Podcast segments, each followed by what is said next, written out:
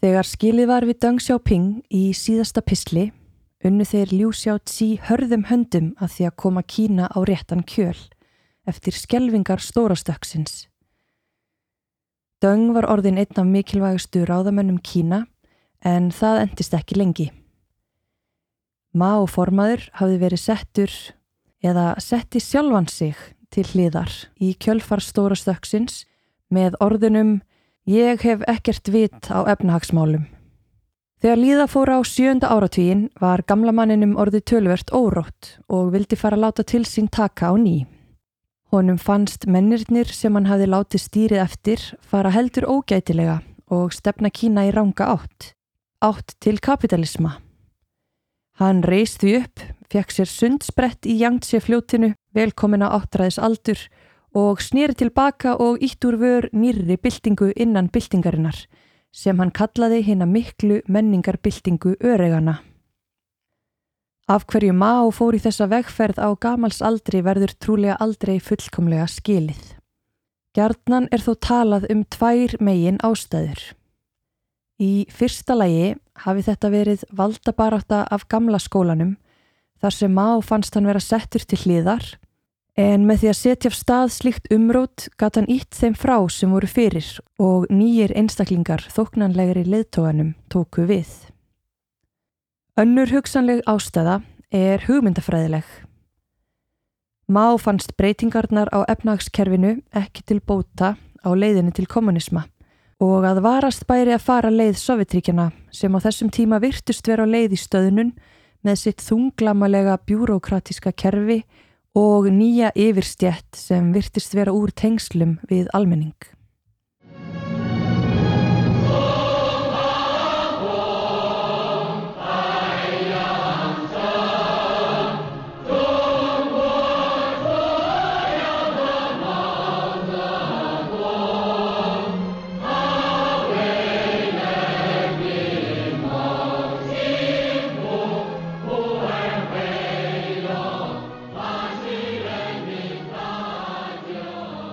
En þessi nýja bylting Más var eitthvað sem ekki hafði sérst áður. Ungt fólk var hvart til að taka virkan þátt í byltingunni og fordæma allt gamalt, hvort sem það voru hugmyndir, menningarminjar eða þeir sem stjórnuðu. Nánast allir þeir sem stjórnuðu Kína við upphaf menningarbyltingarinnar voru settir af og látnir finna til tefassins og þá gjarnan með mjög niðurlægjandi hætti. Deng Xiaoping var þar engin undantekning. Hann var fljótlega tekinn fyrir sem einn af höfuðpaurum afturhaldsaflana og settur í stofufangelsi. Hann þurfti þó ekki að þóla niðurlægjandi meðferð af hendi almennings eins og svo margir af kollegum hans. Þar hefur vinur hans, Zhou Enlai, eflaust náð að halda smá hlífiskildi yfir honum. En Zhou var nánast sá eini sem eftir stóð af gamla valdakjarnanum fyrir utan auðvitað má sjálfan. Ekki voru allir fjölskyldumæðlimir Deng jafn hefnir.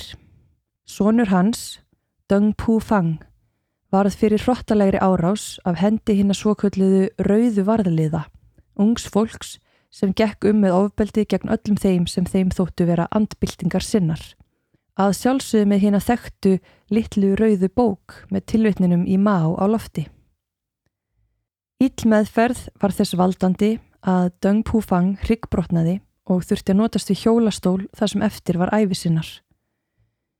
Hann varð síðar formaður samtaka fallara í Kína og vann gríðarlega gott starf í því að bæta kjör fallara í landinu. Án Eva hafa þetta verið erfiðir tímar fyrir döng. Sjálfur bjargarlaus í stofufangelsi þegar sótt var að öðrum fjölskyldumæðlumum hans fyrir það eitt að vera tengt honum. Brjálæði menningarbyltingarinnar stóði yfir í um þrjú ár en árið 1969 ákvað maður á að nóg væri komið þegar jafnveg leit út fyrir borgarstríð í hamslausu ofbeldi þar sem mismunandi fylkingar rauðra varðliða börðust á banaspjótum. Hann skipaði öllu þessu unga fólki að fara út í sveit og læra af bændunum. Það þýtti samt ekki að menn eins og döng sem höfðu verið stimplaðir sem andbyltingar menn ættu betri daga í vændum. Þeim var gerðnan líka skipað í líkamleg störf til að læra af alþýðunni. Döng var því sendur til að vinna í dráttarvela verksmiðju niðri í Jiangxi héræði. Með honum fór kona hans, Jolene, en smám saman saminæðist fjölskyldan á nýjum stað. Hjónin syndu bæði vinnu í dráttarvela verksmiðinni og þurfti Döng að rifja upp vinnubröðin frá fraklandsárum sínum þegar hann vann svipið störf í bílaverksmiðum Renault. Þau höfðu aðgang að gardi þar sem grænmeti var rektað og þau heldu nokkrar hænur. Fyrir hinn aðtorkusama döng hefur þessi tími eflaust verið erfiður en örgla gott að eiga þar atkvarf langt í burtu frá öllu byltingarbröltinu í Beijing. Döng Púfang, hinn fatlaði sonur döngs, minnist þessa tíma með hlýju. Það var niðri í Jiangxi sem ég hafði mestu tilfinningarlegu samskiptin við föður minn.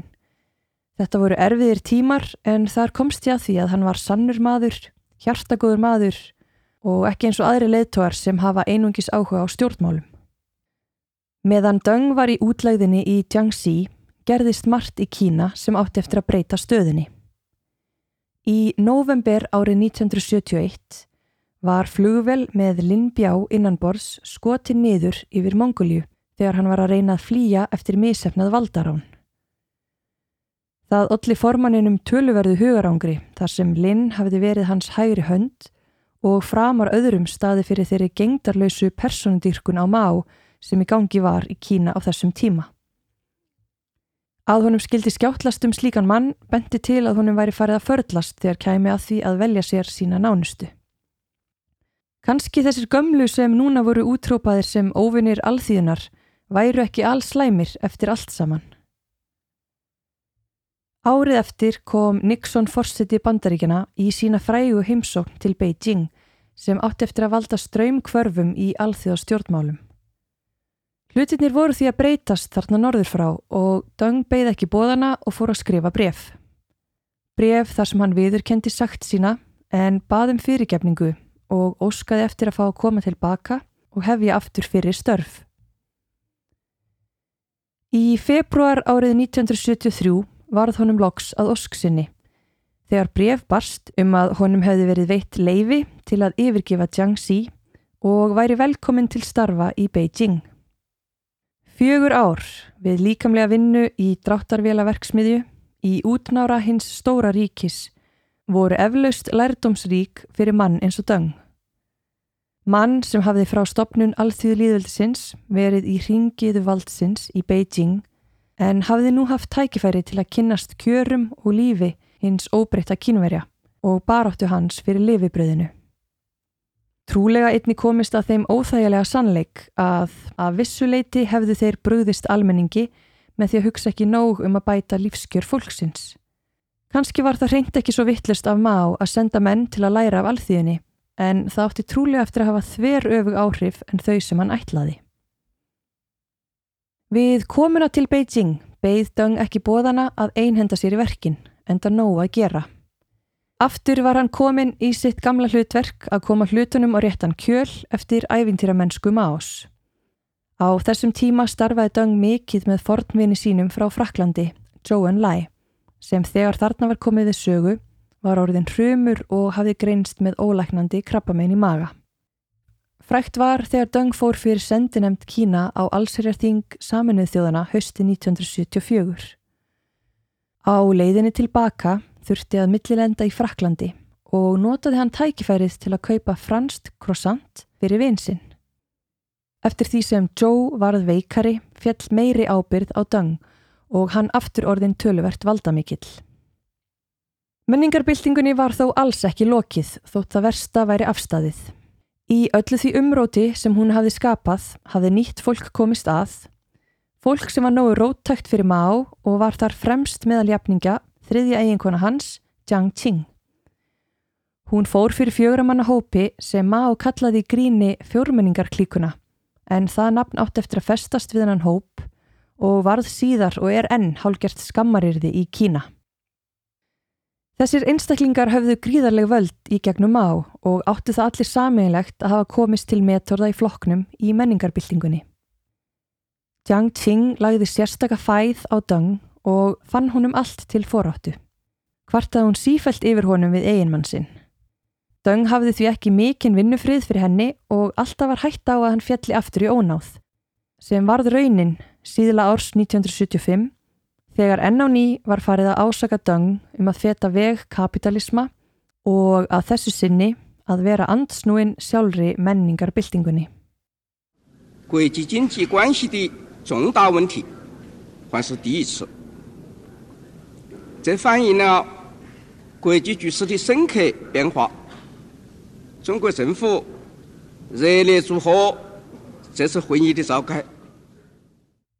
Ár drekans í Kína eru gjarnan talin viðburðarík ár. 1976 var einmitt ár drekans. Döng var sjálfur dreki fættur 1904 og því að klára sjötta 12 ára ringin samkvæmt kínversku stjörnusbáni. Það er sagt að margt sé að varast meðan á manns eigin ári stendur og hætturnar voru sannarlega við hvert fótmál fyrir Döng. En sem sagt ár drekans rann upp og fljótlega fóru hlutirnir að gerast. Í januar dó forsætisráð þeirra Kína til áratuga Zhou Enlai. Eins og komið hefur fram var Zhou einskonar mentor Döngs og vinskap þeirra má rekja allt til Fraklandsdvalar þeirra. Personulega hefur dauði Zhou örgla verið Döng mikið áfall en einnig pólitíst því Döng starfaði í skjóli Zhous fyrir andstæðingum sínum.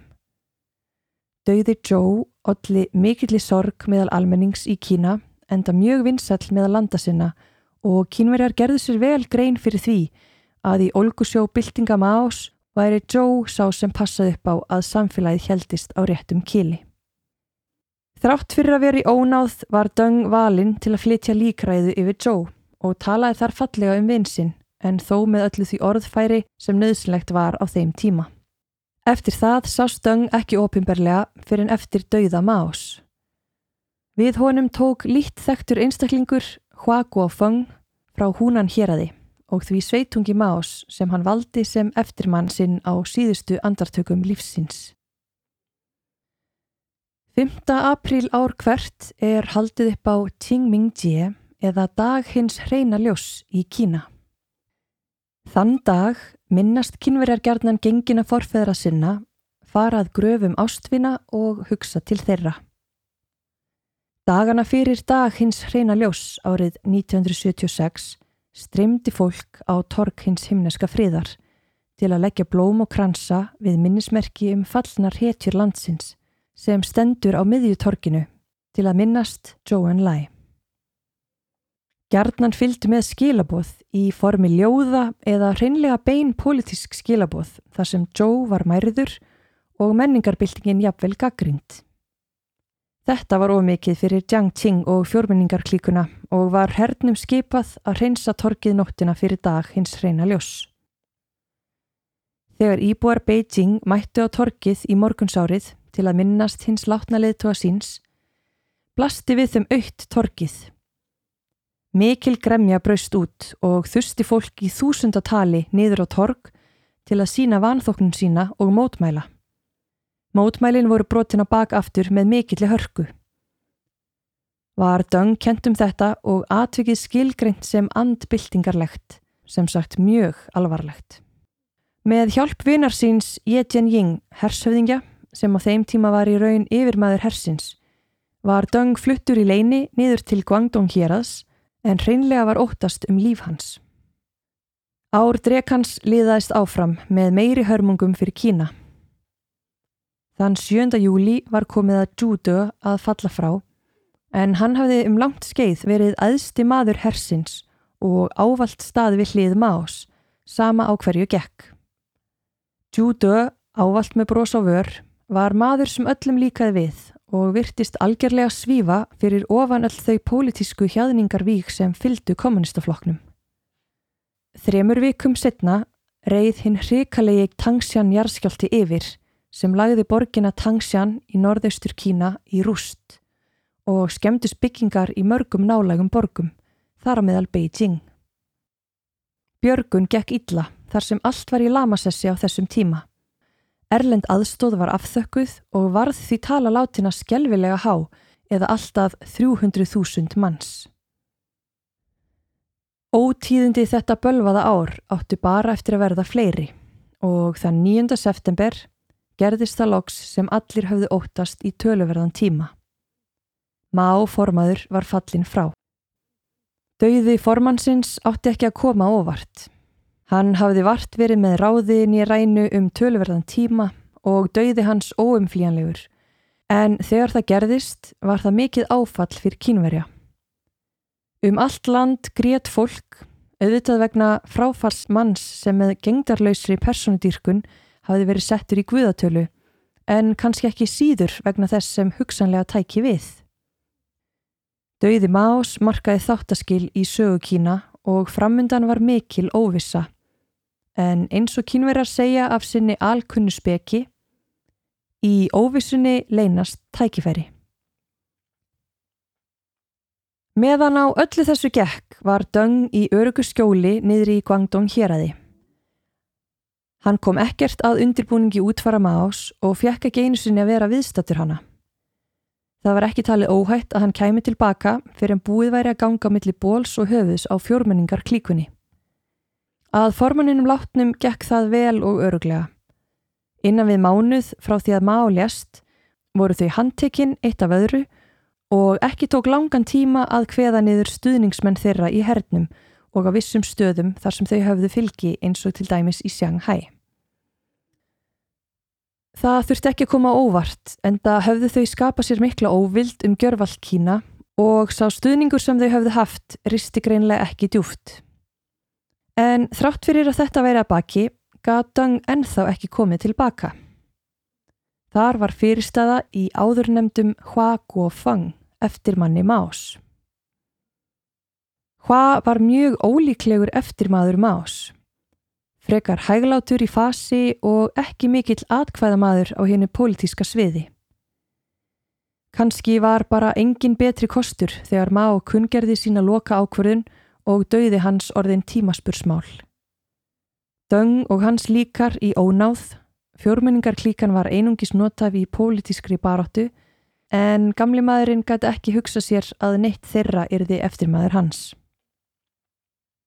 Þannig gerðist það að lít þekktur embættismadur stóð allt í einu uppi sem aðsti ráðamadur í fjölmennasta ríki heims. Hann var þó allavega frá húnan hér aði. Hva hafði ekki mikið pólitíst bakland og hann var ekki einn af eftirlifendum göngunar löngu. Í raun var hans eina lögmæti orð maos hvísluð nánast á dánarbeði á þá leið með þig við stjórnmjölin er mér létt. Nýbansu, wo fangsín. Döng vissi að tíminn inni með honum.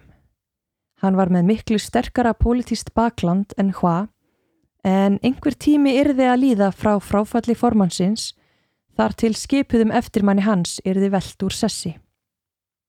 Hvað var heldur ekki að hjálpa sér með því að halda staðfastlega áfram með stefnu fyrirrennar síns á öllum sviðum og að halda jáfnvel áfram með þá gengdarleysu personu dýrkun sem hafði ríkt, nú með sjálfan sig við hliðina á má. Það var komin veruleg þreita í kínverja með ástand mála og ljóst að efnagslíf landsins gæti ekki haldið svona áfram án þess að hrinja endanlega. Með aðstóð pólitískra samherja sinna samþykti Hua loksins að hleypa Deng aftur til Beijing og í júli 1977 tók Deng aftur við völdum sem var að forsætis ráð þeirra. Um leið og Deng var komin tilbaka var ekki aftur snúið og smám saman jók hann völd sín án þess að Hua gæti rönd við reist. Í desember 1978 var síðan haldinn fundur innan miðstjórnar kommunistaflokksins sem átti eftir að taka ákvarðanir sem mörguðu vatnaskill. Samþygt var að snúa við blaðinu þegar kom að efnagslífinu og leifa meira frjálsræði. Eins var leitast við að bæta samskipti við umheiminn og opna Kína fyrir auknum viðskiptum við önnur lönd með kjörorðunum umbætur og opnun, gægu og kæfang, Döng fjekk samþykki fyrir því að setja sína menn í helstu stöður og völd hva fjöruðu smámsaman út. Teningunum var kastað fyrir framtíð Kína.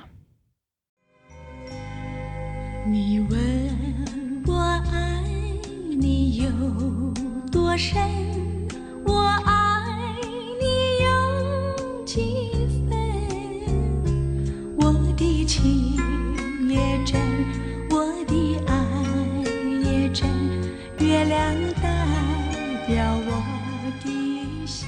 Þegar búið var að setja kursin fyrir framtíðarstefnu var næsta mál að fá fært fólk til að útfæra hana og fylgja henni eftir. Ákveði var að byrja í sveitum landsins þar sem um það byl 80% íbúa landsins bjó á þeim tíma. Bændurnir hafði verið drifkraftur byltingarinnar en eins og svo gjarnan gerist ver byltingin að geta börnin sín. Áætlunar búskapur innan samirki búa hafði ekki bætt lífskjör bænda og var hinn sorglega staðrind svo að lífskjör fólks í dreifbílinu höfðu lítið batnað síðan fyrir byltingu. Vissulega höfðu orðið framfarir hvað varðaði hilsugjæslu og mentun en fólk rétt dró fram lífið í sárri fátækt. Algjör grundvallar breyting var gerð á landbúnaðarkerfinu. Bændurnir fengu aftur rektarlönd sín með samningi sem gerður var við stjórnvöld á hverjum stað sem hvað á um að bændurnir mættu rækta hvað sem þeir vildu en þyrrt þó að skila ákveðnu magni af afurðum til ríkisins á fyrirfram ákveðnu verði. Ekki þarf að fjölir það um að þetta olli umskiptum þegar komað framleiðinni og varð met uppskera ár eftir ár fyrstu árin eftir að þetta kerfi var innleitt. Í sveitunum var jáfnframt gefin meiri sveianleiki fyrir fólk að fara út í eigin rekstur og voru fyrstu kapitalistar kynverja á þessum nýju tímum bændur landsins. Það þótti betra að framkvama þessar tilraunir út í sveitum landsins fjarrri íhaldsömmum flokksbrottum sem flestir heldu sig í Beijing. Annað sem var mikið hugðarefni Döngs var að sækjast eftir auknum samskiptum við Erlend ríki og fá þau til að fjárfesta í Kína. Þetta var að sjálfsögðu mikið deilöfni innan flokksins. Hafði ekki markmið byltingarinnar einmitt verið að losa Kína undan arðuráni erlendra fyrirtækja? Sem málamiðlun var ákveðið að setja upp sérstök efnahagssvæði í héruðunum Guangdong og Fujian í söðustur Kína. Í upphafi voru valin fjögur svæði sem annars vegar voru í mikilli nánd við Hong Kong og hins vegar rétt frá Tævan. Þetta fyrirkomulag var ekki óþögt frá hinnum ört vaksandi Asíu tígurum, Hong Kong, Singapúr, Tævan og Suður Kóru sem öll voru á flegi ferð á þessum tíma efnagslega og þetta mótel var notað til að draga að erlenda fjárfestingu.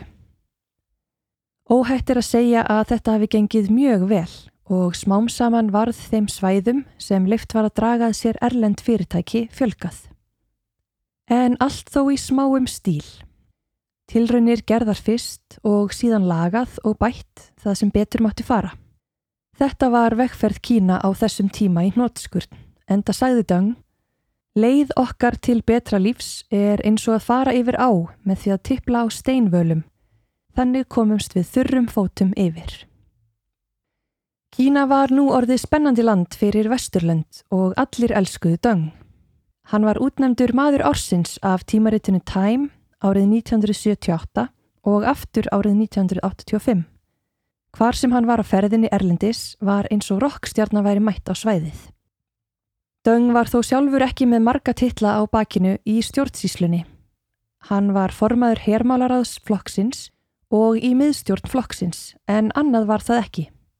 Þrátt fyrir það var aldrei spurning um hver væri sá sem stjórnaði í raun.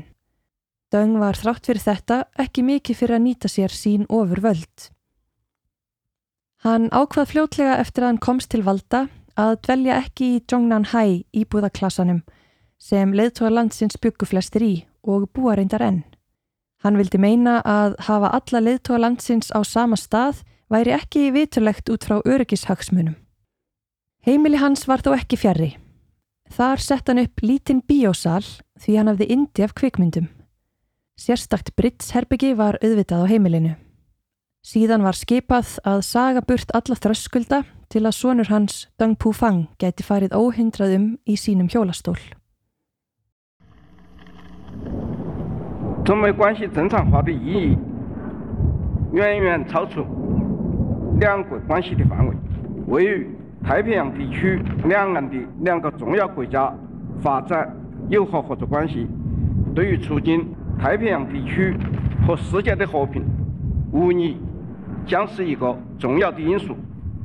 今天世界很不安宁，不仅存在着对和平的威胁，而且战争因素在显着增长。世界人民的当务之急，就是要加倍努力维护世界的和平、安全和稳定。 Þótt leið Kína til efnagslegra umbóta hafi virst nokkuð hnökralaus, var alls ekki þannig að allir væri á eitt sáttir. Áður var minnst á andstöðu við að opna landið fyrir erlendum fjárfestingum. Alla nýjunda áratugin þurfti Döng að notast við alla sína stjórnkænsku til að tryggja að ekki væri byggt af leið, en tölvert hávær hópur vinstri sinna innan flokksins, gjarnan menn í eldri kantinum, fannst allt of langt gengið á köplum og höfðu flest á hornum sér. Fannst ungumennirnir sem Döng fjekk til að stjórna of frjálslindir. Þótt að eftir á higgja sé erfitt að segja kapitalismin á þessum tíma eða sósialismin með kínverskum einkennum eins og Döng kaus að kalla það, hafi verið mjög róttækur en komandi úr úldra vinstri mennsku menningarbyltingarinnar voru breytingarnar sannarlega töluvert róttækar. Kanski var þetta innmeitt mjög heppilegt að fara einhverja millileið sem flestir gátti sætt sig við. Við þekkjum það úr sögunni að leið umbreytinga úr miðstýrðu sósialísku kerfi í átt að auknu efnagslegu frjálsræði getur verið þyrnum stráð. Í oktober árið 1987 hjælt kommunistaflokkurinn 13. flokksþing sitt. Á þessu þingi let Döng af öllum embættum nema formensku í hermálanemdini. Með þessu ætlaði Döng loksins að setjast í helgan stein og hvatti aðra eldri menn í flokknum að gera slíkt þið sama og hleypa nýju fólki að. Zhao Ziyang var kosin flokksrítari en hann var einn af helstu lærisveinum Döngs. Döng var þegar þarna var komið við sögu orðin 83 ára og sannarlega tími til að fara að hafa hægar um sig og fara að sinna áhugamálum sínum, spila brits og dvelja meira með afkomendunum. En þegar Döng hjælt að eftir 60 ára starf gæti hann loksins farið að slaka á, skjáttlaðist honum. Þung skí voru að hrannast upp yfir kínvesku samfélagi. Þótt margt hefði gengið vel, var Ímis óanæja kræmandi undirniðri. Umbæturnar urðu sannlega þess valdandi að hópur fólks efnaðist töluvert í byrjun og sumir kannski ekki á heiðarlegan hátt. Á þessum árum fór einnig verðbólga að láta sér kræla og þeir sem unnu venjulega launavinnu í ríkisfyrirtæki sem höfðu ekki tækifæri á að nýta sér ávexti hins nýja frelsis voru ósáttir við sitt hlutskipti. Töluverð mótmæli hefði átt sér stað árið 1987 en þau hafði að mestu tekist að kveða niður. Voru það engum stúdendar sem stóðu fyrir þeim. 1988 varð einnig róstusamt en alltaf tókst að læja öldurnar. Á fundi í stjórnmálaráði kommunistaflokksins 15. apríl 1989 lest einn af þungavíktamönnum umbóta sinna, Hú Já Bang, úr hjartáfalli. Dauði Hú allir mikillir reyði meðal námsmanna sem þustu út á torg hins himneska fríðar til að mótmæla.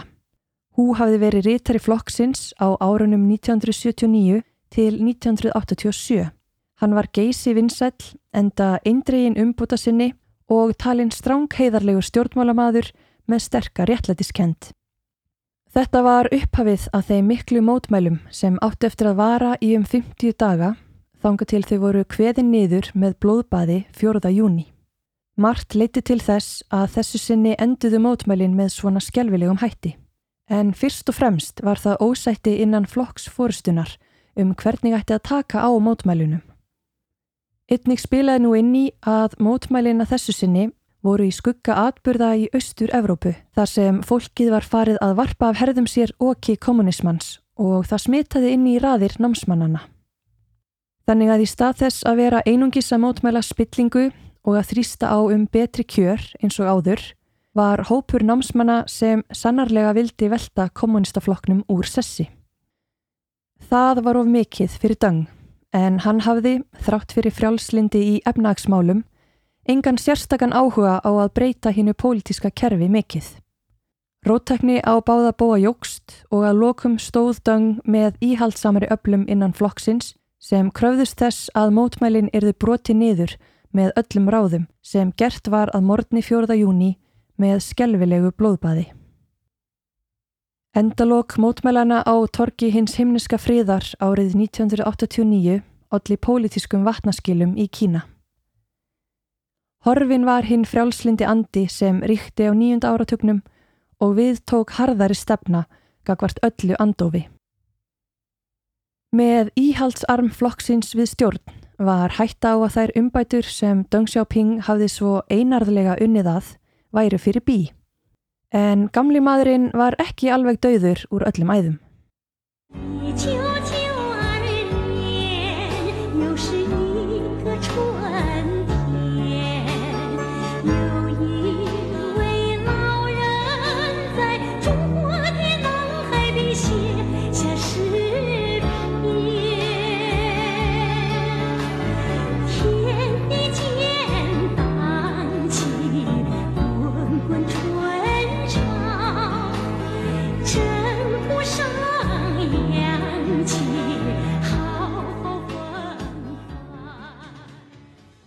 Kínverska nýjárið er tími fjölskyldu saminningar og gleði. Þegar kínverska nýjárið nálgæðist í byrjun árs 1992, kínverska tunglárið hefst gjarnan einum til tveimur mánuðum setna en okkar ár, fór Döng á samt fjölskyldu sinni í ferð til söður Kína. Engin veitti þessu sérstaka aðtigli enda ekki í frásögur færandi að maður á hans aldrei færi í ferðalag með fjölskyldu sinni. En markmið Döngs var ekki bara að flýja kuldan í Beijing suðrabógin, heldur var það mun stærra. Að koma Kína aftur á rétta braut og halda áfram á leið umbóta sem sett hafði verið í byðstöðu eftir atbyrðina á torki hins himneska friðar. Döng heimsótti í fersinni þá staði sem sannarlega höfðu vaksið og dapnað undanfarin áratug opnunar.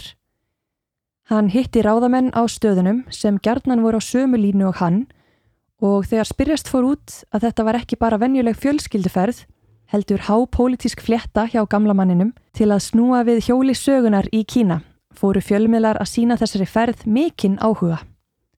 Fyrst miðlar frá Hong Kong og síðan miðlarnir á meginlandi Kína.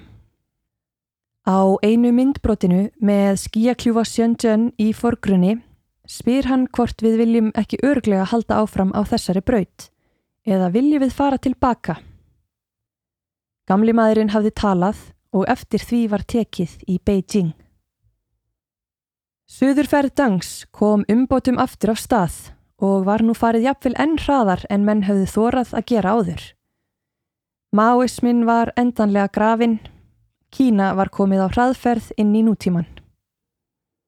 Upp úr þessu sá Stöng ekkert opinberlega enda hilsu hans farið að raka en hann lifði þó nokkur ár í viðbót og lest hann í februar árið 1997, 92 ára að aldri. Undir fóristu Deng Xiaoping tók Kína slíkum efnahags framförum er vart eiga sér sögulega hliðstæði. Hundruð miljóna hafa náð að komast úr örbyrð til sómasamlegs lífs á þeim tíma sem liðin er síðan hann hóf sínar umbætur. Hann var vissulega gallharður kommunisti sem trúði á stjórnmálakerfi Kína og gerði allt til að verja það, hvað sem það kostaði. En ákvarðanir hans, með réttu eða röngu, hafa öruglega verið hugsaðar með hag landsins og fólks fyrir brjósti.